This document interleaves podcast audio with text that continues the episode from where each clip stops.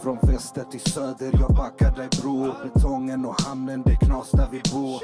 Kom jag ska visa vad du shiden kan se. Räpade staden i ett beat, det är succé. Mamma se, mamma sa, visa vilka ni är. Det är det. Välkommen till ännu ett avsnitt av Det är det.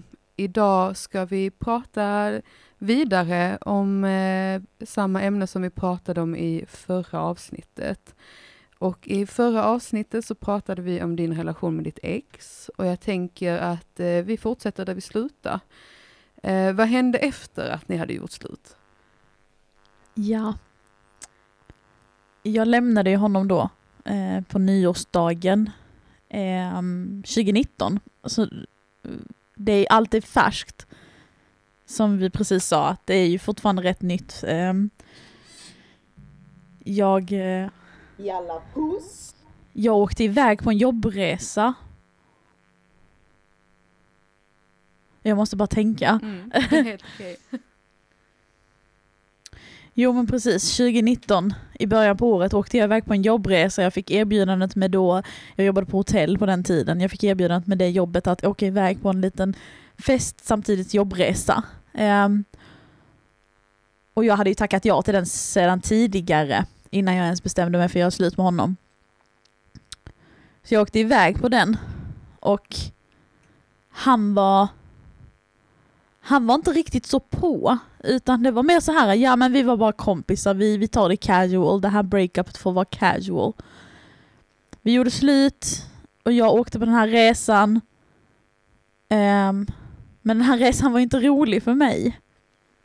Um, det var jättetufft. Men vi bestämde då att vi skulle ses eh, efteråt, efter den här konferensen. Och eh, det var ju då han kom hem till mig. Eh, vi kom hem en måndag eftermiddag. Eh, och han kom hem till mig den, den kvällen för jag skulle jobba den natten. Jag jobbade natt då på hotellet. Eh, han kom hem till mig och det började casual precis som, som om vi aldrig hade haft någon annan slags relation. Eh, och det tyckte jag var lite läskigt. Eh, vi åt mat, jag gjorde mat till honom och mig. Vi bakade någonting lätt. Och så skulle vi sätta oss och äta och det gjorde vi. Ehm, efter allt det här, vi började starta en film då och sen så slängde jag mig i soffan för det var ju min nya lägenhet. Ni förstår inte vilken stolthet jag hade för den här lägenheten. Jag hade precis gjort en lägenhet till ett hem för första gången.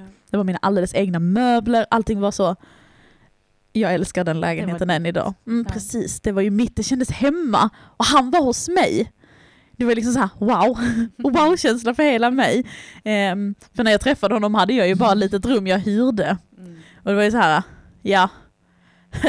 det, var, det, var, det var en magisk känsla i alla fall och jag var ju så, jag var ju så glad för jag hade bott i denna lägenheten en månad nu. Och då slängde jag mig i min egna soffa. För sånt har inte jag kunnat göra förut utan att få en kommentar.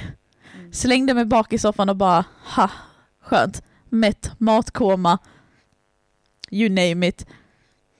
Och då började det igen. Vi började inte, det var, något, det var inte något aggressivt våldsamt utan det var ju han började ge mig det här närheten. Och då det sög ju oss tillbaka.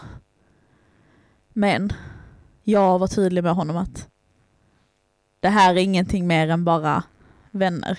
Så ni vet, alltså så, så du vet det, sa jag till han. Och denna relationen fortsatte då. Dum som jag var.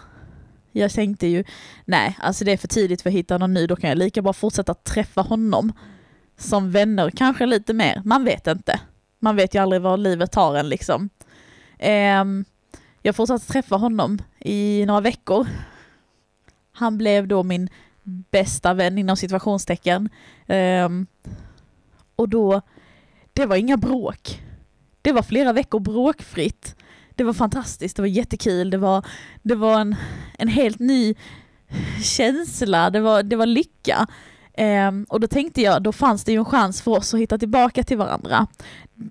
Dumt nog. Mm. Och uh, vi bestämde oss för att vara exklusiva, han och jag. Eh, några månader senare då efter att vi hade bestämt oss för att vara exklusiva, Så jobbade jag en natt på hotellet och då kommer det in en tjej klockan fyra, fem på morgonen och bara ah, är du inte flickvän? Och då tittade jag på henne och då hade vi bestämt att vi inte ska säga till någon förrän vi visste helt säkert och vi också. Så sa jag till henne, nej, vi är bara vänner idag. Hon bara, aha, okej, okay, för han har snapchattat mig hela natten. Jag var chockad. Mm. För han hade varit hos mig på jobbet den natten. Okay. Han var hos mig på jobbet den natten. Då hade han ju suttit och snackat med en annan tjej. Och jag blev ju inte rasande utan jag tänkte, men den här tjejen visste jag ju om att han har känt sedan tidigare, det är hans barndomskompis. Den morgonen skulle vi iväg och köpa födelsedagspresent till hans mamma. Hon fyllde år.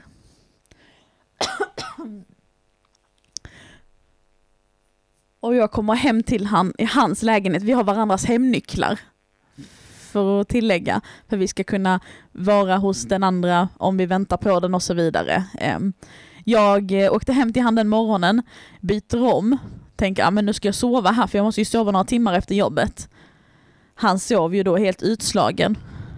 Och jag tänkte ja, jag har aldrig kollat hans telefon på det sättet. Så som han har kollat min. Han har ju haft superkoll på min telefon. Han har kunnat mina lösenord på sociala medier och allt sånt här. Och jag har liksom aldrig kunnat hans. Jag har aldrig, jag har aldrig ens velat vara inne på hans sociala medier. Jag öppnade hans snapchat. Jävligt dumt om jag får säga så. Man ska aldrig gå in i någon annans telefon. Det är deras personliga integritet jag attackerade då. Och det låter som jag skuldbelägger mig själv nu, och det gör jag ju, för jag skulle aldrig gjort detta. Men jag gick in och såg, jag såg inte ens hon som nämnde detta för mig, jag såg inte ens hennes namn på hans telefon, utan jag såg några andra tjejer. Och då hade han varit otrogen. Upptäckte jag denna morgonen arg som jag blev, jag agerade i känslor. Kastade telefonen, sa åt honom rent ut sagt, far åt skogen, vill aldrig mer prata med dig. Um, du kan väl kolla till henne. Uh, ja, ja you name it.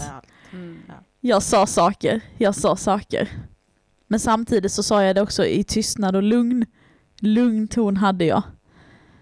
Jag klär på mig mina ytterkläder, och han jagar mig knappt vid dörren utan han bara liksom bara, vad snackar du om? Vad snackar du om? Och då kallar jag honom för olojal. Han var otrogen. Han är hemsk. Jag sa hemska saker till han. Det kan nog alla relatera till att man säger i en sån stundens hetta. Jag går därifrån. Jag var så trött, jag hade dygnat. Det var liksom från, från det ena till det andra. Det var liksom så mycket den natten och då, då är jag ju ja, jag var slutkörd. Um, jag går hem och då bor jag några kilometer ifrån honom. Det är liksom inte en, två, utan det är nog uppemot åtta kilometer ifrån honom. Jag går hela vägen hem och har blockat honom överallt, på alla sociala medier, hans telefonnummer, allting. Men jag insåg att han skulle ändå inte försöka få tag i mig. Han, han skulle nog bara ge upp. Han, han, han har ju hittat någon annan som han faktiskt tycker om. Och då eh, tiden går och jag kan inte äta. Jag kan inte sova. Ehm, jag fick åka in på akutmottagningen vid något tillfälle för att jag hade näringsbrist. Ni kan tänka er att gå utan mat i fyra, fem dagar, det var inte, det var inte något att rekommendera. Det var jättejobbigt, jag fick sjukanmäla mig från jobbet vissa nätter och så, alltså det var jättejobbigt. Så kommer jag till jobbet igen, tänker, aja, jag kommer över det. Eh, och då hade inte jag pratat med honom på några dagar. Jag avblockerar honom och ser om han skriver någonting. Vilket han gör, men samtidigt inte. Det är liksom jag som får eh, starta en konversation att mm. What was it about? Mm. Va, va, va, vad är det jag gjort som är så? Nej, han kunde inte svara på det. Eh, det var jättejobbigt hela den här otrohetsdelen var ju jättejobbig för det var ju första gången jag kunde basta honom göra ett fel, förutom allt det han gjort mot mig tidigare. Så skuldbelade jag mig själv för allt det, han, det här misshandeln och allt det här. Jag skuldbelade mig själv och nu börjar jag även skuldbelägga mig själv för otroheten. Det var jag som inte hade gett han, jag var inte tillräcklig, jag var inte det ena, jag var inte det andra. Ja, you name it. Ehm, en natt så håller jag på och jobbar. Eh, jag eh, serverar frukosten på det här hotellet då eh, och då börjar man med frukosten redan vid halv fem, fem på morgonen. Då ringer det på dörren och man måste ringa på på hotellet för att komma in genom yt yttersta dörrarna. Då tänkte jag, ja men det är en medlem som, eller medlem, en gäst på hotellet som hade varit ute och rökt på morgonen. Jag tänker jag går och öppnar. Och då öppnar jag, för man öppnar via telefonen och sen går jag mot dörren så jag möter personen när de kommer in. Var det han? Och då kom jag på, just det, han ska till Barcelona idag. Han hade kommit in på mitt jobb innan den här Barcelona-resan. Han sätter sig på knä på golvet medan jag jobbar. Jag fortsätter ju för jag ignorerar honom. Jag sa till honom, du kan gå härifrån, jag vill inte ha dig här, jag vill inte prata med dig. Dittan dattan. Jag sa det till honom, jag, ville, liksom, jag, jag var inte beredd på att höra varför han var otrogen. Han sätter sig på knän och bara ber på sina bara knän att för mig var ju den otrohet. Eh, För andra kanske det inte var det, men för, för mig var det otrohet för han hade ju pratat med henne ingående, djupt, sexuellt, Intimt. intimt, känslomässigt. Alltså det var mycket sånt här Mm. involverat. Och Han hade fått sig själv framstå som singel till henne.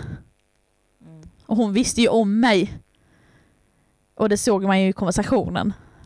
Ehm, Det är ju otrohet. Ja, det är också. otrohet Det för är mig. det, ja. Mm, Mm. För mig. Ja, men det var ju det här. Han bad på sina bara knän. Jag sa till han nej, stick. Dra åt FAN. Jag, jag orkade inte. Jag var helt bruten. Ehm, och då... Innan han åkte så sa jag då, men vi pratade då, vi pratade inte ut men vi pratade. Och för mig är det när han ber om ursäkt, när han för första gången ger mig den här äh, adoring-känslan, då tar jag ju tillbaka honom. Jag sugs ju tillbaka. Eh, han åker på Barcelona-resan eh, några dagar. Och när han är tillbaka eh, när han är tillbaka så möter jag upp honom. Jag åker från Jönköping till Göteborg Landvetter för att möta upp dem när de är tillbaka för jag var ju så här nyförälskad för han hade ju sugit tillbaka mig in i den här lilla grejen. Det var jättejobbigt. Och att ta sig därifrån var ju helt okej. Vi fortsatte. Fortsatte vara exklusiva. Jag fortsatte liksom vara en del av hans familj som om ingenting har hänt. Han var en del av mitt liv. Precis som ingenting har hänt. Precis som vi aldrig gjort slut liksom. Och eh, då började bråken igen. Mm. Det var jättejobbigt. Ehm, och han hade fått mig att känna mig så värdelös genom ord. Verbalt hade han sagt till mig att det är inte konstigt folk lämnar dig. Eh, du är helt jävla galen. Du är dum i huvudet. Han påstår att jag var kontrollerande. För han hade ju börjat ha de här tjejerna i sitt liv som kom från ingenstans. Och bara, vi har ändå, han har ändå koll på min umgängeskrets, jag har koll på hans, allt det här ja. Men eh, han började säga saker till mig som var helt absurda. Jag, jag var kontrollerande, jag var psykopat, jag var det ena, jag var det andra. Han påstod att jag var manipulativ i många tillfällen. Och jag kan säga att två, eh, två personer, det krävs två för att dansa salsa eller vad, vad man säger. Eh, det är ju samma sak där. Jag hade inte alltid varit schysst mot honom men det är ju också mitt självförsvar. Jag måste få säga det är mitt självförsvar att vara elak tillbaka. Men jag var aldrig elak på den nivån att jag sa att han var värdelös. Nej. Aldrig. Det fanns inte på min världskarta. Um, hur som helst. ehm, jag kom in i en period, det var strax innan sommaren där. Eh, detta var tidigt på året i mars, april. Jag kom in i en period där jag inte mådde, mådde så bra, jag var självmordsbenägen rent ut sagt av den här misshandeln, av den här psykiska misshandeln. Det var en påfrestning för mig. Eh, han åkte till eh, Tyskland. Och då i samband med att han åkte till Tyskland så hade jag ju fångat honom återigen hålla på med någon annan. Och för mig var det liksom bara, jag orkar inte detta mer, det här kommer inte jag klara av. Och det sa jag till honom rakt ut, jag orkar inte detta du. du. Du måste låta mig vara, jag behöver lite space. Samma veva där en gång till, han åker till Tyskland. Och då, eh, strax innan han åker så suger han in mig i den att du är den enda för mig, jag älskar dig, hur fan ska jag vara, hur, hur fan ska jag fortsätta, bla bla bla. Och återigen den här adoring-känslan fick jag. Han åker till Tyskland eh, med sin kompis. Det är en kompis han har lärt känna via mig. Ehm, de blir ju bästa vänner för övrigt sedan start och då har jag, det var jag som introducerade dem för varandra. De, eh, de blev bästisar sedan start. Och eh, han åker till eh, Berlin tror jag det var, är mer exakt. Och jag, jag försöker ta mitt liv hemma i Sverige. För jag orkade inte mer. Jag var så trött, jag bara, jag orkar inte mer. Och jag säger det till honom. Han svarar inte mig på flera timmar. Och jag tror inte att han är otrogen där nere, utan för mig var det bara, ja jag orkar inte mer, jag kan bara lika bra ge upp. Och då ringde någon mig, en vän. Frågade om jag skulle med ut med henne och hennes dotter. Och det var min räddning där. Mm. Jag sticker ut, jag kommer hem på kvällen, ja men jag får en lite feelgood känsla.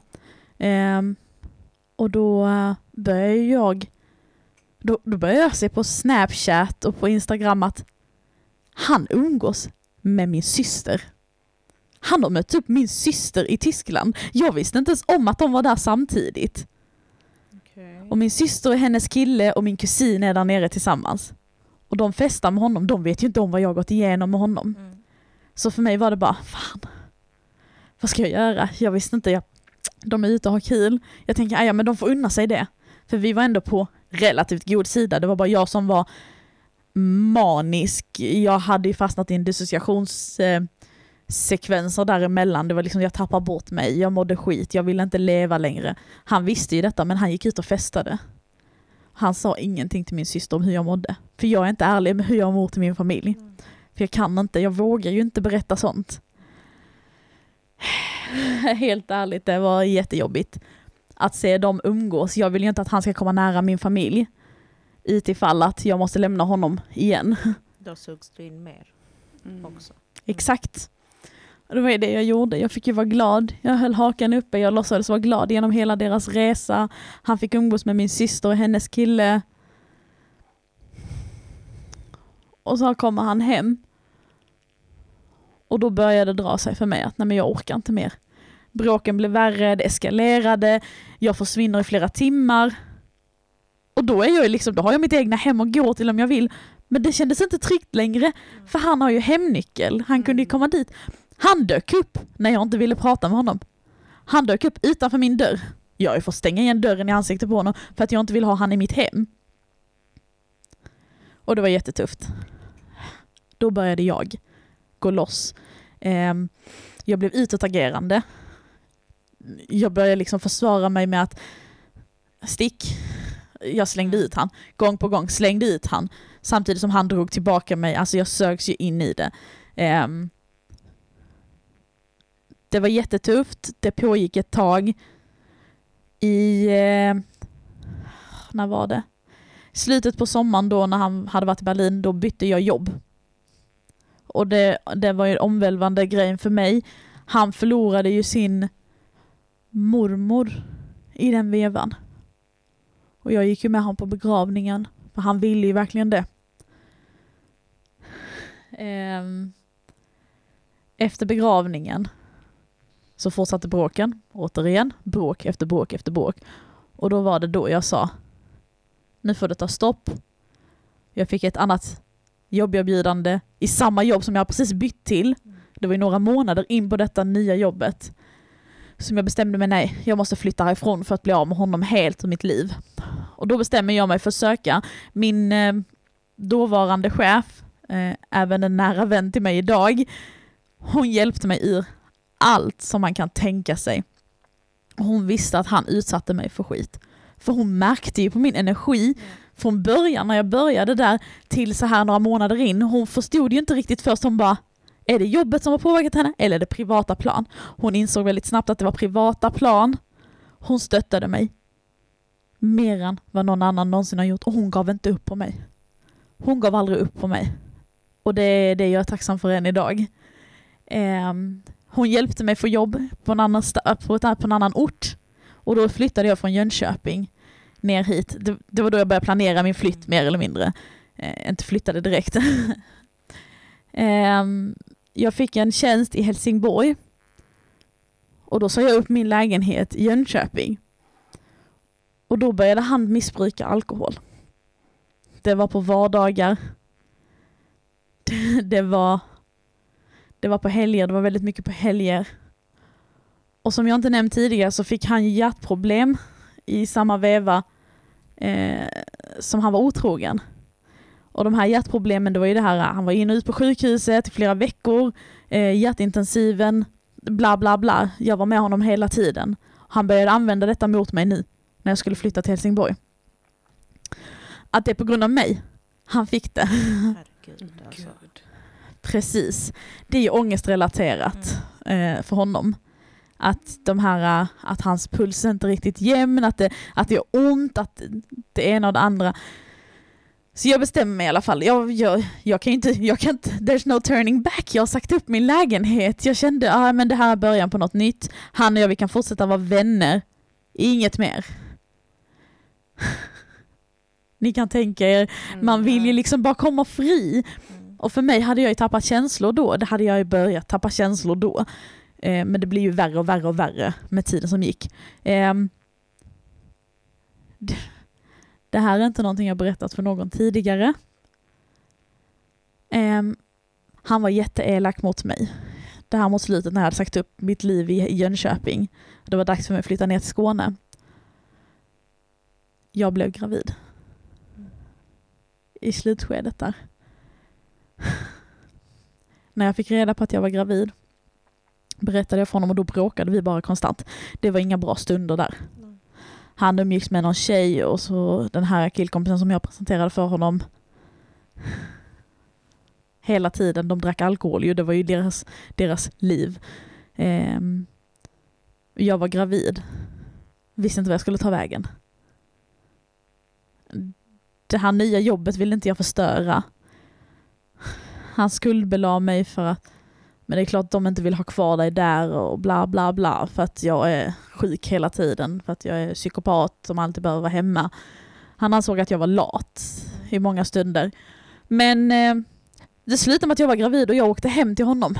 För han trodde inte mig, för jag, jag fotade det här graviditetstestet där det visade två streck. Jag har sedan tidigare fått höra att jag har svårt för att bli gravid. Vilket jag förstår. Mm. Jag, har, jag håller på att gå igenom en, en process där jag ska undersökas för PCOS och så vidare. Och PCOS är ju en, en del av det här med att man har svårt för att få barn. Eh, man har ingen mens, eller ja, om man har det så har man väldigt sällan. Mm. Och då var det en till tre gånger per år. Ja. Och allt det här passade in på mig. Eh, men jag blev gravid och jag skulle hem och berätta det för honom. Jag köpte ett sånt här graviditetstest så man kunde se hur många veckor man var inne i. Och åkte hem till honom med detta. Och jag var ju jätteledsen den dagen. Jag kom ju bara dit för att det tar en timme för mig att ta bussen hela vägen från mig hem till honom. Och jag var jätteutmattad, jag ville hem igen. Efter att jag visat honom testet. Och då sa han till mig att eh, han sa massa saker att han vill inte ha det med mig, han vill aldrig ha något med mig och han var helt borta. Mm. Jag kände inte igen honom då. Eh, jag skulle aldrig kunna ta hand om ett barn för att jag kan inte ta hand om mig själv. Eh, jag var dum i huvudet. Om jag kontrollerar honom så skulle jag även kontrollera barnet. Ja, hela den högen.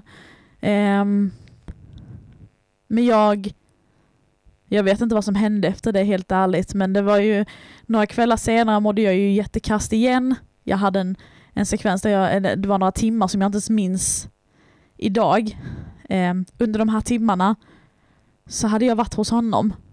Och då, eh, det var det, jag minns inte allting där och då. Jag vet bara att det var ett rakblad involverat och att jag tog upp min arm för att skydda mig själv samtidigt som det var, jag plockade undan lite grejer som var mina i hans lägenhet. Så var det sånt där litet rakblad, ni vet sådana eh, som man byter i rakhyven. Mm. Det var ett sånt rakblad jag höll i min hand då och då kom han ju jätteaggressivt mot mig på något sätt. Och jag minns inte detta så jättetydligt för allt detta, alla dessa minnen är svaga. På något sätt så höll jag eller han i rakbladet och det revs emot min arm. Det spräckte upp hela min arm. Och det är blod överallt nu. Mm. Jag minns väldigt, väldigt, väldigt lite sekvenser av detta. Jag vet bara att jag ser blod och han börjar gråta. Han skrikgråter, han sätter sig på golvet och, och håller sig om huvudet och jag vet inte vad jag gör. Men vet ni vad, vet ni vad jag minns? Jag minns bara att jag tog ner min huva, min livtröja jag hade på mig och tryckte den mot min arm. Jag fokuserade inte på att jag precis hade blivit skadad. Jag fokuserade på att han blev ledsen. Det var... Jag vet inte vad som hände den natten. Då har man ju tappat sig själv. Ja. Jag var helt förlorad. Ehm, det ena ledde till det andra. Han vägrar köra mig till akuten. Och jag vet nu varför. Han hade ju en dejt planerad dagen efter. Skulle han köra mig till akuten så skulle det innebära att, för detta hände klockan två på natten, eh, klockan fyra på morgonen bad jag honom köra mig till akuten. Han bara, jag kan ringa en ambulans, jag kan ringa polisen till dig, bara du sticker härifrån. Han slängde ut mig. Jag visste inte vad jag skulle ta mig till. Eh, jag gick över till min kompis som bodde på andra sidan och jag berättade ingenting om det på min arm. Jag var helt tyst. Jag berättade bara för honom att den här kompisen då att eh, vi har bråkat och det är jättejobbigt, jag måste tillbaka dit. Och jag vill inte berätta för honom då att det är för att jag måste till akuten. Så jag måste få mitt ex att köra mig till akuten. Och eh, klockan blir fem på morgonen och då säger han att han ska ringa polisen på mig. Han börjar då att säga till mig att det var jag som skar mig själv. Att det är ditt egna fel, att det var du som gjorde det, att du är dum i huvudet och du vill bara ha det ena och det andra. Och jag är jättechockad. Mm. Så jag minns ju såklart inte detta utan detta är sånt som jag fått se på våra sms. Ja. Tänker att få återuppleva ditt minne genom era sms. Ja. Hela tiden så säger han ju att du, du gjorde detta framför mig, du gjorde detta framför mig. Han printade in det i huvudet på mig att det var jag som gjorde det mot mig själv. Det var jag som skar upp min egna arm. Men jag skulle aldrig göra något sånt. Nej. Jag skulle aldrig skada mig själv på det viset. Varför ska jag göra det? Mm. Så synligt. Det förstörde ju min tatuering. Mm. Det förstörde ju, alltså det här. Klockan blev sex på morgonen, han vägrar fortfarande köra mig till akuten. Jag tar bussen dit. Och jag bor typ väldigt nära sjukhuset och, och som jag sa innan, det tar en timme. Mm. Detta är fyra, fem timmar efter att såret gick ut. Och ja. Jag åker in, jag sys. Jag säger att det var jag. På akutmottagningen. För problem. Läkaren fattade att det inte var jag Ja. som hade gjort det. Han sa att är du säker? Det här ser inte ut att vara från din synvinkel. Det skulle aldrig kunna vara i det snittet. Ehm, det var någon polis där på plats som skulle lämna en annan patient. De tar ju dit dem till mig bara för att fråga mig lite. För att de, läkaren trodde att jag skulle vara tryggare med att berätta för en polis. Jag sa till polisen rakt ut. Nej, det är ingen annan som gjort det, det är jag. Helt sjukt. Mm. Ehm, hur som helst, jag sys. Vad gör jag efter sjukhuset? Jo, jag går hem till honom. För att säga förlåt. Så du, förlåt. Ja! Alla smsen som vi hade skrivit back and forth. Enligt smsen var det ju mitt, mitt egna fel. Ja.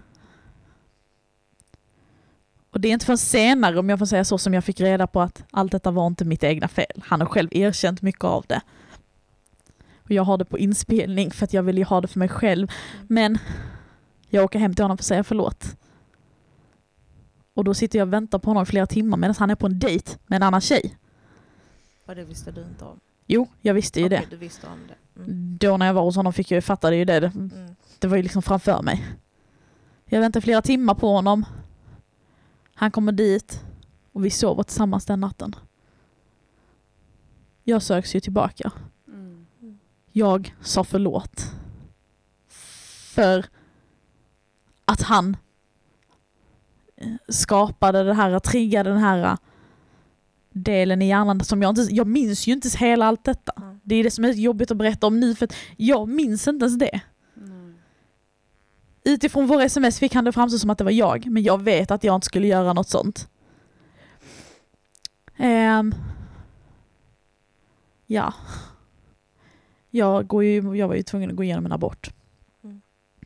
I samband med allt detta hände. Jag gör aborten. Nyår närmar sig.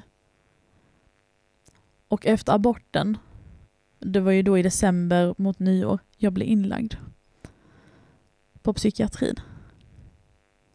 Han sket fullständigt i mig under den tiden.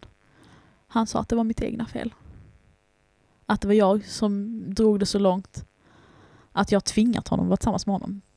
Att jag tvingat honom till att och liksom så här att jag kontrollerat honom. Återigen. Mm. Vem ska jag kontrollera?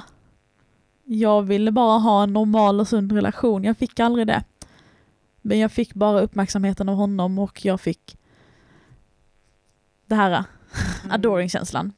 Hur som helst, ehm, jag blev utskriven strax efter nyår och eh, jag började flytta ut ur min lägenhet. Januari februari skulle jag bo kvar där.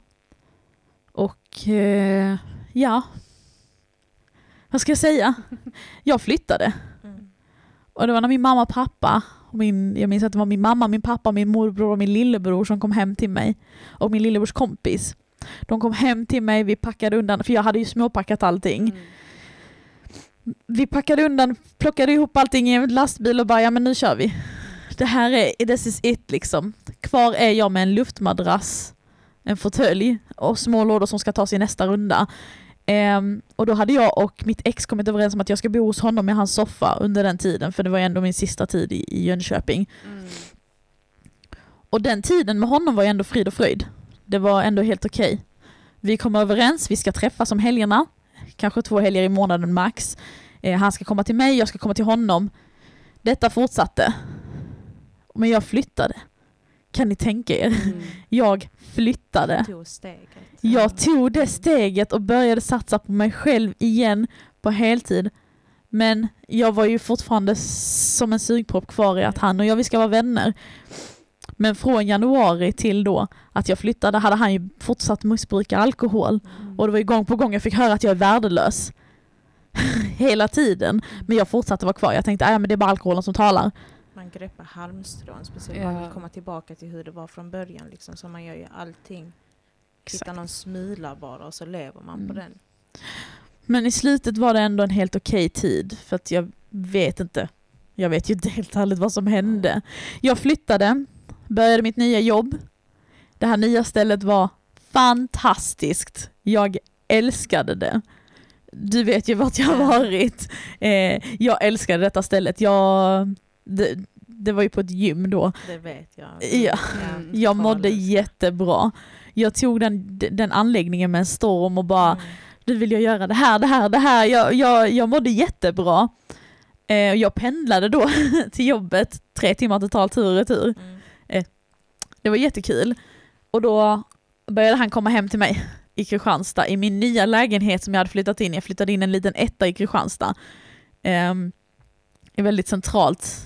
Ehm, han började komma till mig på helgerna och det var väldigt fina helger. Det var min sista tid med honom vill jag minnas som fin. Mm. Eh, jag vill inte säga att det var så mycket det var inte så mycket som var jobbigt. Eh, fast forward eh, från mars till juni så hade vi det fantastiskt bra. Eh, på helgerna sågs vi, jag åkte upp till honom, han åkte till mig. Vi spenderade liksom helgerna tillsammans som vi kunde. Eh, alla hjärtans dag, det var ju då i början på året då bodde vi på hotell och jag bjöd på det. Och du vet, alltså ni vet, man, man hade en fin tid. Och det var vårt sätt att avsluta det, men i juli så träffade jag en ny kille. Mm. Och jag tycker att han är fantastisk, han är jätterolig den här killen. Ehm, och jag överväger att gå in i en relation. Men det kändes samtidigt så dumt, vi hade kvar mitt ex Mm i bilden. Jättelöjligt. Men det var då han började hota med, med saker och ting. Att han skulle läcka ut om min psykiska hälsa, han skulle läcka ut bilder, han skulle berätta för mina föräldrar vissa saker. Etc. etc. Um, samtidigt som han bara, men jag behöver dig i mitt liv, jag vill ha dig, jag vill inte ha någon annan. Jag trodde det vi hade var på riktigt, vi försökte ju ändå bygga på det. Han använde den fina tiden mot mig liksom. Och det var jättejobbigt, men jag kan säga mer eller mindre att juli 2020 var då jag lämnade honom helt. Vi fortsatte bara vara bekanta. Eh, han började dejta nya tjejer. Jag träffade den här killen då. Eh, men sen insåg jag att mitt ex hade förstört mig alldeles för mycket för att gå in i en ny relation. Så jag lämnade denna killen väldigt snabbt, för han var fantastisk och vi är vänner än idag. Gud, han är en av mina närmsta killkompisar än idag. Eh, fast det är på avstånd, jag träffar inte honom så mycket som jag gjorde då i början. Men gud, då trodde jag att jag hade lämnat honom, mitt ex då. Han, han och jag fortsatte ha en väldigt svag kontakt och sedan eh, går jag in i väggen i eh, 2020, mitt i en pandemi. Mm. Allting var jättetufft. Ja, you name it. Men jag började bygga på mig själv under den här, äh, jag gick in i väggen-perioden. Jag började bygga på mig själv. Ja. Jag, jag hade ju tränat under hela sommaren. Eh, jag mådde så mycket bättre. Jag började känna att gud, jag lever och livet är ju fantastiskt. Jag började känna det igen. Och det var i samband med att jag fick svagare och svagare kontakt med mitt ex. Ehm, men han var fortfarande i bilden hela tiden för att, för att notera det är en väldigt viktig Mm. punkt. Ehm, mot nyår så har jag börjat träffa en kille, eller prata med en kille, ehm, som visade för mig vad jag betydde. För att det var ju det jag hade fått tillbaka mitt självvärde och det började ju då när jag träffade den här nya killen att han supportar mig, han vill att jag ska fortsätta bygga på mig själv. Eh, Det är ingen annan som har stöttat mig i det förut. Det var ju nytt för mig att må Mm. bra, att allting är fantastiskt. Men varje gång det blev så bra så måste ju alltid någonting ta ner en, känns det som. Och det som tog ner mig var mitt ex, när han kontaktade mig. Mm. Ehm, 2020, 29 december, ringer jag mitt ex och säger det här är det sista du hör från mig. Och jag var så stolt. Jag var så stolt. Jag spelade in hela detta samtalet, det varade i, jag tror det var en halvtimme, 45 minuter. Under den här halvtimmen, 40 minu- 45 minuterna erkände han för mig allt han har gjort mot mig. Mm. Allt han har sagt till mig, alla hoten han sa till mig. Allt han, att han misshandlade mig, att han var otrogen mot Ja. mig. Allt det här erkände han i ett samtal. Gud vad skönt. Och det var min relief. Mm. Då får man ett avslut. Precis. Jag hade hoppats på att det var mitt avslut. Jaha. Men till nyligen, Ja. han smsar mig. Anonyma sms. Skriver om... Han uttrycker sig om hur jag ser ut. Han börjar uttrycka sig om mina osäkerheter, Ja. om min kropp, Mm. om mitt utseende. Det var bara sånt. Det var bara utseendebaserad skit jag fick på sms. Och jag insåg då snabbt varför. Jag umgicks den helgen med nära vänner till mig. Eh, De hade lagt upp på sina Snapchat stories. Och då var jag ju med. Mm. Och då i de här videosen så kan man ju då se min nya kille också. Mhm. Jaha, okej. Det var lite kul. Mm. Alltså, men för mig var det liksom att jag inte tog illa vid på det viset utan det var bara nej. Han försöker men Han försöker komma tillbaka. Och då är det inte via hans egna telefonnummer utan då är det via anonyma sms. Mm. Och jag svarade inte, jag lät det gå. Men det, för mig var det ju mitt slut, det var ju då 29 december. Men för honom är det inte slut än. Det verkar som han kommer fortsätta försöka plåga mig på alla sätt han kan. Mm. Och de här anonyma sms som han betalar för. Jag tycker att det är lite löjligt. Mm. För han lägger ju pengar på att fortsätta plåga mig. Ja. Men för mig var det slutet 29 december. Men man projektar ju på andra how you feel. Det är ju det. Så Mm. han, det är ju tydligt att han inte mår bra. Och då tar han ut det på dig för att man, man vill ju hitta en tillhörighet hos någon. Och han kände väl att han hade det hos dig att men om du mår dåligt så kan vi må dåligt tillsammans. Mm. Eh, och när han ser att du har gått vidare, du har en ny pojkvän och så vidare, då har han ju ingen. Han har blivit lämnad gång på gång. Mm. Han har haft tre, fyra relationer under den här tiden. Mm. Sedan jag lämnade honom i juli förra året. Mm. Det har till och med varit så de här nya tjejerna har kontaktat mig. Mhm. Han var otrogen mot dem också. Ja. Han var liksom olojal mot dem också. Samtidigt som han var med dem kunde han ju kontakta mig. Och det är det Mm. som har varit min, min, mitt sätt att hantera det var ju bara att, ah, ja. ja, han utnyttjar mig för, för psykisk eh, stöd. Han Mm. försöker skylla sin psykiska hälsa på mig. Och det har han gjort sen dess. Gud, det har han gjort sen han hamnade på hjärtintensiven. Mm. Mm. Men jag tog mig ur det. Den 29 december var ju mitt avslut. Ja. För mig var det det här sista gången du hör ifrån mig. Och där har det slutat. Men han har ju försökt. Han har ju försökt säga jag vill betala för ditt körkort, jag vill köpa dig en ny lägenhet i Mm. Malmö. Han försöker använda sånt liksom för att få tillbaka mig på det spåret igen och prata om honom igen. Men jag har inte låtit det hända. Så från den 29 juli, Nej, 29 december. december, förlåt. Eh, sen dess har det verkligen varit done för dig. För mig ja. Ja. Mm. Fan vad skönt. Jag har varit färdig. Ja. Mm. Jag har varit... Jag har insett hur mycket livet var... Livet var ju fantastiskt. Jag, jag fortsätter komma ihåg det än idag. Och jag tog mig ur min egna sjuks... Jag var ju sjukskriven väldigt Mm. lång tid. För jag var ju så nedbruten, men då fokuserade jag ju på mig själv. Och det var ju det som gjorde att jag kunde ta det steget mot honom. Ja. Så jag är helt ärligt, jag har bara fokuserat på mig själv, Ja. fokuserat på min lycka, Mm. fokuserat på de som värderar mig lika mycket som jag värderar dem i mitt liv. Fokuserat på familjen, han tog ju mig ifrån min familj en väldigt lång, ett, lång, lång tid. Mm.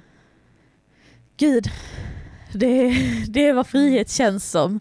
Att bara få gå vidare, skapa ett liv. Ja. Och det är det jag har gjort. Jag har träffat en ny fantastisk kille som behandlar mig på perfekt, alla perfekta plan. Liksom. Eh, vi har framtidsplaner tillsammans. Jag har fått hoppet tillbaka om Ja. att alla killar är inte skit. Mm. Det finns fina killar där ute. Men jag såg aldrig varningssignalen hos mitt ex. Och han har ju förstört mig, det kan jag säga. Det har påverkat mig än idag. Mm. Eh, min kille idag, han, han märker ju det.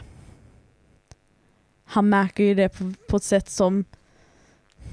Det är små saker. Det är liksom så här, jag är en övertänkare, han har börjat kommunicera med mig liksom på mycket Mm. tydligare plan. För han vet ju varför. Ja.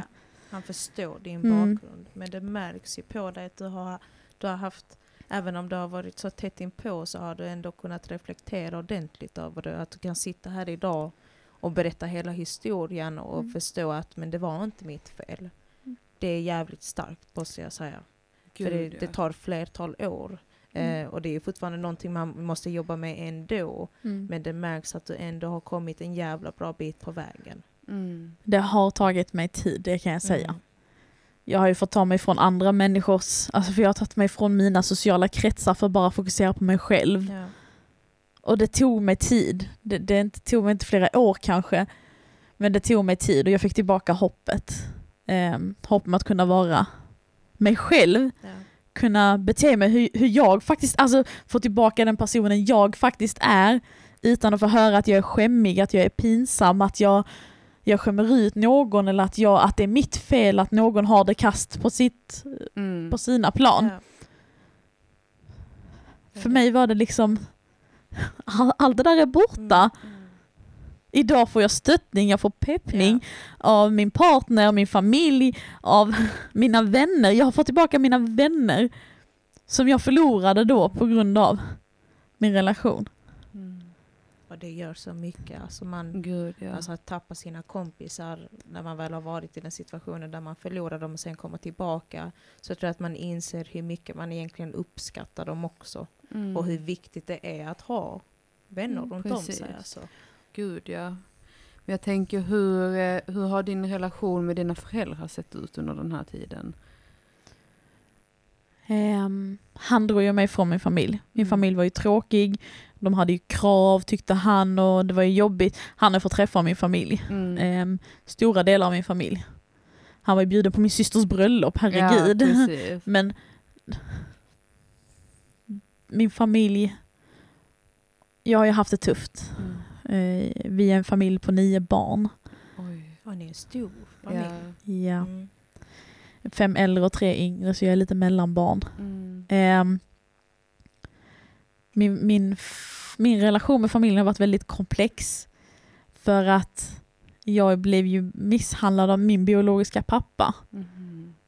Ehm, och som barn beskyller man ju alltid sig själv. Ja. Och det har jag alltid gjort också. Mm. Ehm, men under den här tiden med honom, då hade jag ingen, inte så mycket kontakt med min familj. Nej. Jag var iväg på någon resa med familjen för att en av mina syskon fyllde 30. Eh, något annat tillfälle var jag ju med på nyår, då var han med också hos min stora syster. Eh, något annat tillfälle har vi besökt min syster i Halmstad. Eh, och hon besökte ju oss då. Eh, så att vi, vi har ändå träffat lite min familj, men det har varit det har aldrig varit på mina initiativ. Det har alltid varit på deras. För att de träffade inte mig så ofta. Eh, Men de, vi hade knappt kontakt heller. För att han tyckte att eh, nej, det är inget bra för mig. Mm. Men hur påverkade dig när dina föräldrar inte gillade hur du levde ditt egna liv? Om vi kommer in lite på det med... Grejen är, jag har aldrig berättat rakt ut för min mamma att jag bodde med honom. Nej, okej. Mm. Så de trodde att du bodde ensam då Ja, under tiden? Men mamma visste att jag träffade honom. Okej. Mm.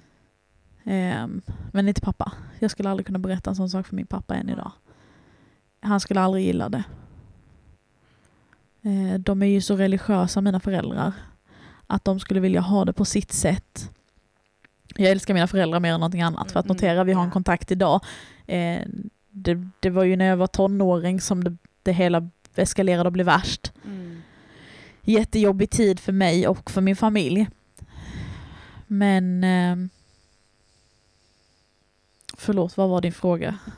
Eh, hur det påverkade dig? Mm. Eh, att de inte gillade hur du levde ditt egna liv liksom? Det var ju också en del till varför jag mådde dåligt Mm. hela tiden. Mm. Det var ju för att jag vet att min pappa och mamma skulle aldrig stötta det livet jag valde. Mm. Det är basically det. Jag kan Ja. inte säga så mycket mer om det. Nej. Ehm, det var jättejobbigt. Ehm, jag tänker, vi har ju pratat lite sen tidigare. Ehm, och eh, då pratade vi ju lite om att du tidigt flyttade ifrån, alltså hemifrån. Eh, vill du berätta lite mer om varför och hur det kom sig att du flyttade så tidigt som du gjorde? Absolut. Ehm, jag, var ju, jag kom ju till Sverige som väldigt ung. Kom in i samhället väldigt snabbt.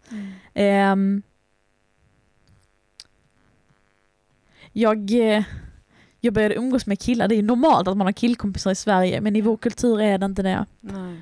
Tyvärr. Eh, absolut att det är normalt idag, men då var det ju inte normalt. Nej. Eh, jag fick inte ha killkompisar och jag fick inte klä mig på visst sätt. Och det var ju mycket det. Mm. Eh, därför till slut så sökte jag ju hjälp. Eh, det började först med att jag var sju år gammal och insåg att okej, man får inte slå barn i Sverige. Mhm. Hade bara bott i Sverige i två år. Alltså, ja. För mig var det bara oj, oj då. ja. Det här visste inte jag om. Jag trodde jag var normalt i alla hem. Mm. Nej, fel hade jag. Ehm, jag sökte mig till socialförvaltningen. Mm. Eh, sökte hjälp där, berättade för dem precis som det var, att min pappa slår mig.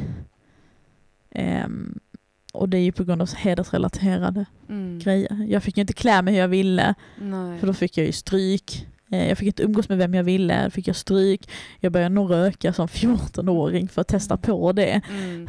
Det åkte man också stryk på. Alltså ni förstår, sådana Ja. saker som är normalt idag, Det var inte normalt på min tid. Men det är inte accepterat inom den reli- religionen Kulturen och religionen Precis. heller. Nej precis. Men detta, detta var ju tio år sedan. Ja. Eh, Det är över 10 år sedan, det är 15 år sedan till Ja. och med. Eh, Sjukt att tiden går så fort. Men eh, det var ju sådana saker som fick mig att lämna och när jag var 14 eh, stack jag helt och hållet. Mm.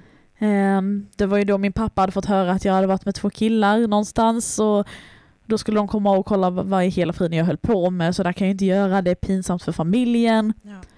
Alltså ni förstår, Ja. eh, det var jättejobbigt. Och då fick jag flyttas akut Mm. eh, från Kristianstad. Jag bodde på ett HVV-hem då.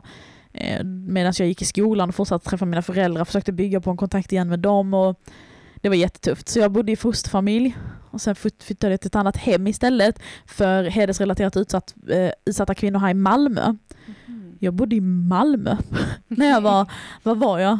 Jag var eh, 14 och deras åldersgräns var egentligen 16-17. Mhm. Jag var ju den yngsta som fick bo där. Det var ju det var en jättekonstig grej för mig för det var en sån transition som var från, ett, eh, från att, att det är personal där hela tiden som ser till så jag, jag följer regler, jag gör det här, det här, det här till ett hem där jag ska själv laga mat. ja, du förklarar Mm. dig själv. Liksom. Man ska klara sig själv men det fanns personal Mm. som hjälpte till med att handla, som hjälpte till att sköta det ena och det andra. Man fick ju pengar då. Alltså det var ju det var en helt annan grej för mig. Och när jag bodde på detta stället så hittade de ett familjehem som, som jag fick träffa och som jag klickade bra med. Mm. Och då fick jag bo där. Och jag bodde där i, jag vill minnas, två, tre år. Mm.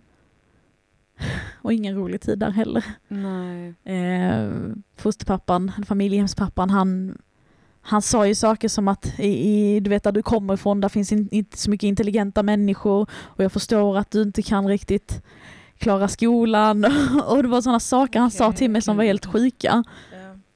Ja. Det är, ingenting med, alltså det är ingenting med saken att göra. nej, det är inte så relevant. Min Nej, etnicitet nej. har inte med min intelligens Nej, att göra. Det är jätteonödigt. Jätteonödiga grejer. Han sa mycket sånt till mig under den tiden jag bodde där och så, och så fick jag aldrig min veckopeng. Jag fick ju liksom inte göra saker. Nej. Och jag måste notera att, ehm, eh, bara för att vara tydlig, jag hade sekretesskyddad identitet också under stor del av denna tiden. Mm. Ehm, för att då min biologiska pappa inte skulle leta upp mig. Men det gjorde han ju aldrig, för jag hade fortfarande, jag bara bibehöll kontakten med min mamma, men då var det via socialförvaltningen. Jag fick Okej. åka dit och träffa min mamma och mina syskon, jada jada, hela den biten. Mm. Men jag bodde ju då i det här familjehemmet i två, tre år. Och då var jag utan min kontakt med min pappa Mm. under hela den tiden. För allt han hade gjort. Han hade ju slagit mig gång på gång. Behandlat mig väldigt illa. Mm. Ehm, och när vi pratar slag så pratar jag ju öppen hand Mm. Mot kroppen, ansiktet. Det är jobbigt att gå in i detaljer på Ja, den ja, biten. Absolut. Men det var ju det var ju misshandel Mm. Mm. på en, en hemsk nivå. Mm. Ingen ska få utstå det. Nej, Nej. absolut inte. Ingen. Men jag har aldrig ransakat vad som hände då. Men jag, jag har bara kommit underfund med att det inte är mitt fel. Mm. Mm. Det var ju en eh, förvriden syn på vår kultur som jag tackar gud att det är uppdaterat idag. Man har Ja, utvecklats, man ja. har kommit framåt i det. Jag var ju bara den i den fasen när jag bröt mig ur sådana. Mm.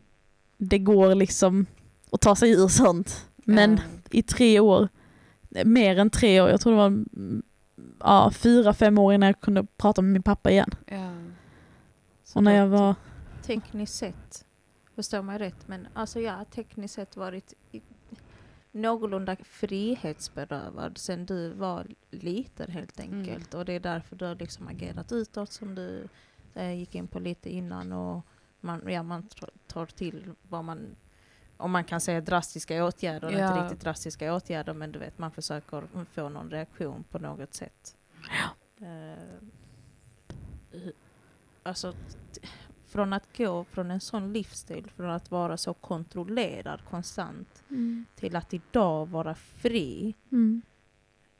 Hur har det liksom påverkat dig som människa? Alltså har det, det måste ha varit en jättestor omställning ju.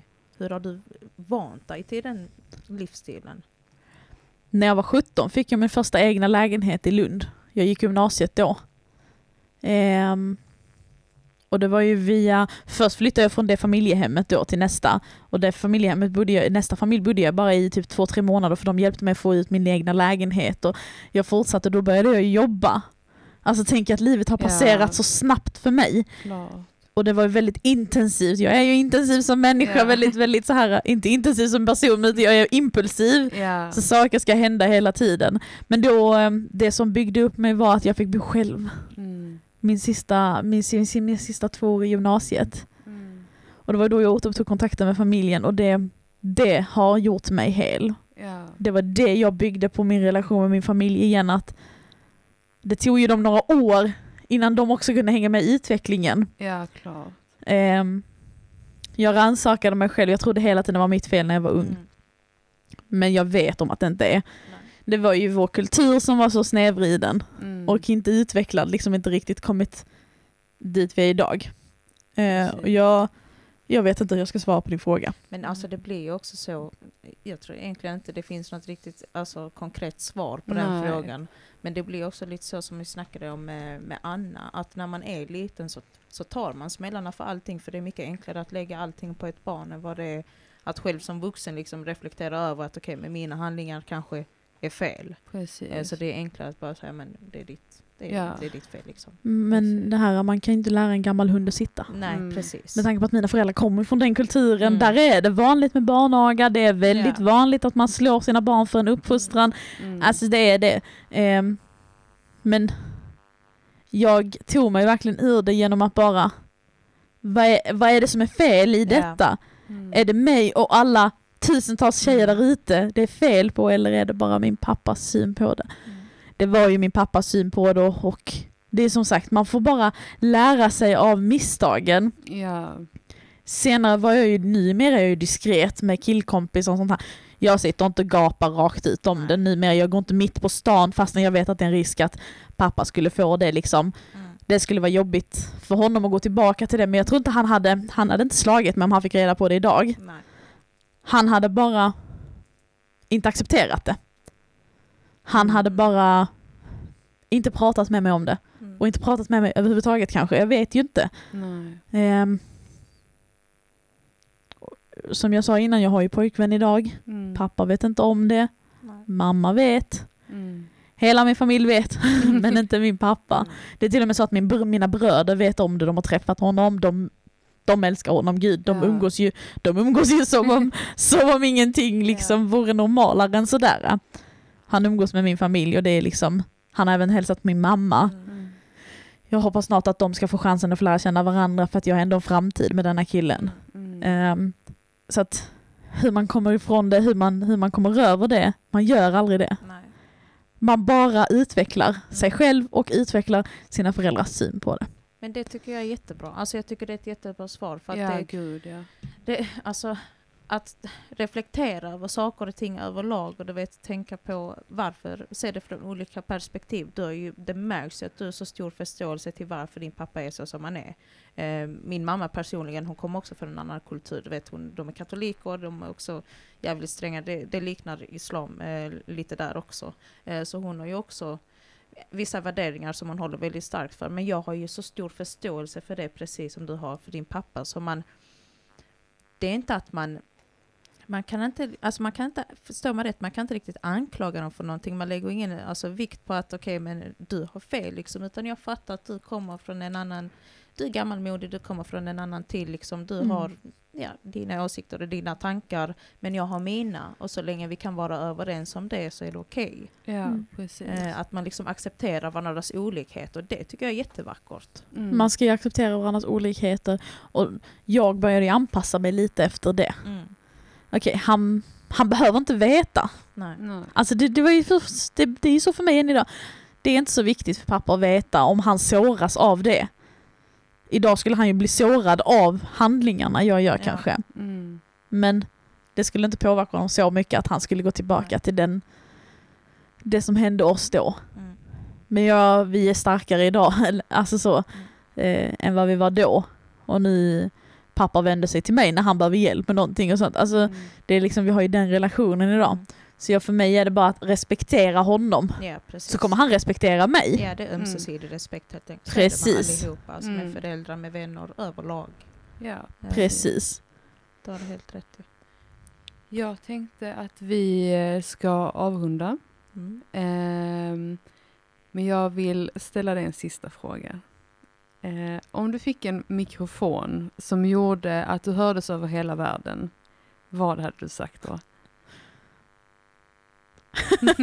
Jättesvår fråga. Ja, du. Jättesvår fråga. Det finns så mycket. Ja, Jag hade nog velat säga du är inte ensam. Mm. Jag hade velat säga till alla som lider av någon form av psykisk hälsa, eller psykisk ohälsa, Mm. att du är inte ensam. Du klarar det. Alla klarar Mm. allting. Det gäller bara att tro på sig själv. Bara det, det behövs bara väldigt lite Mm. mm. för att ta sig framåt. Det, det är nog det jag skulle Ja, säga helt ärligt. jätte- jättefint. ja jättefint. Ja. Då tänker jag att vi avslutar. Jag vill bara tillägga, och eh, du som kompis som lyssnar, som har någon i din närhet eh, som lider av psykisk ohälsa, eh, har en re- relation med våld i sig, är utsatt för hedersförtryck överlag, har någon typ av problematik, var inte rädda för att fråga. Mm. Finns där för människan, ställ upp eh, och mena det. Fråga hellre hundra gånger än inte alls. Precis. That's it för idag då. Det var jättetrevligt att ha med dig. Jag hoppas verkligen att du kan komma tillbaka någon annan gång så att vi kan prata lite djupare in på saker och ting. Mm. Det hoppas jag verkligen. Tack så jättemycket för att jag fick komma. Tack själv. Tack. Jalla puss!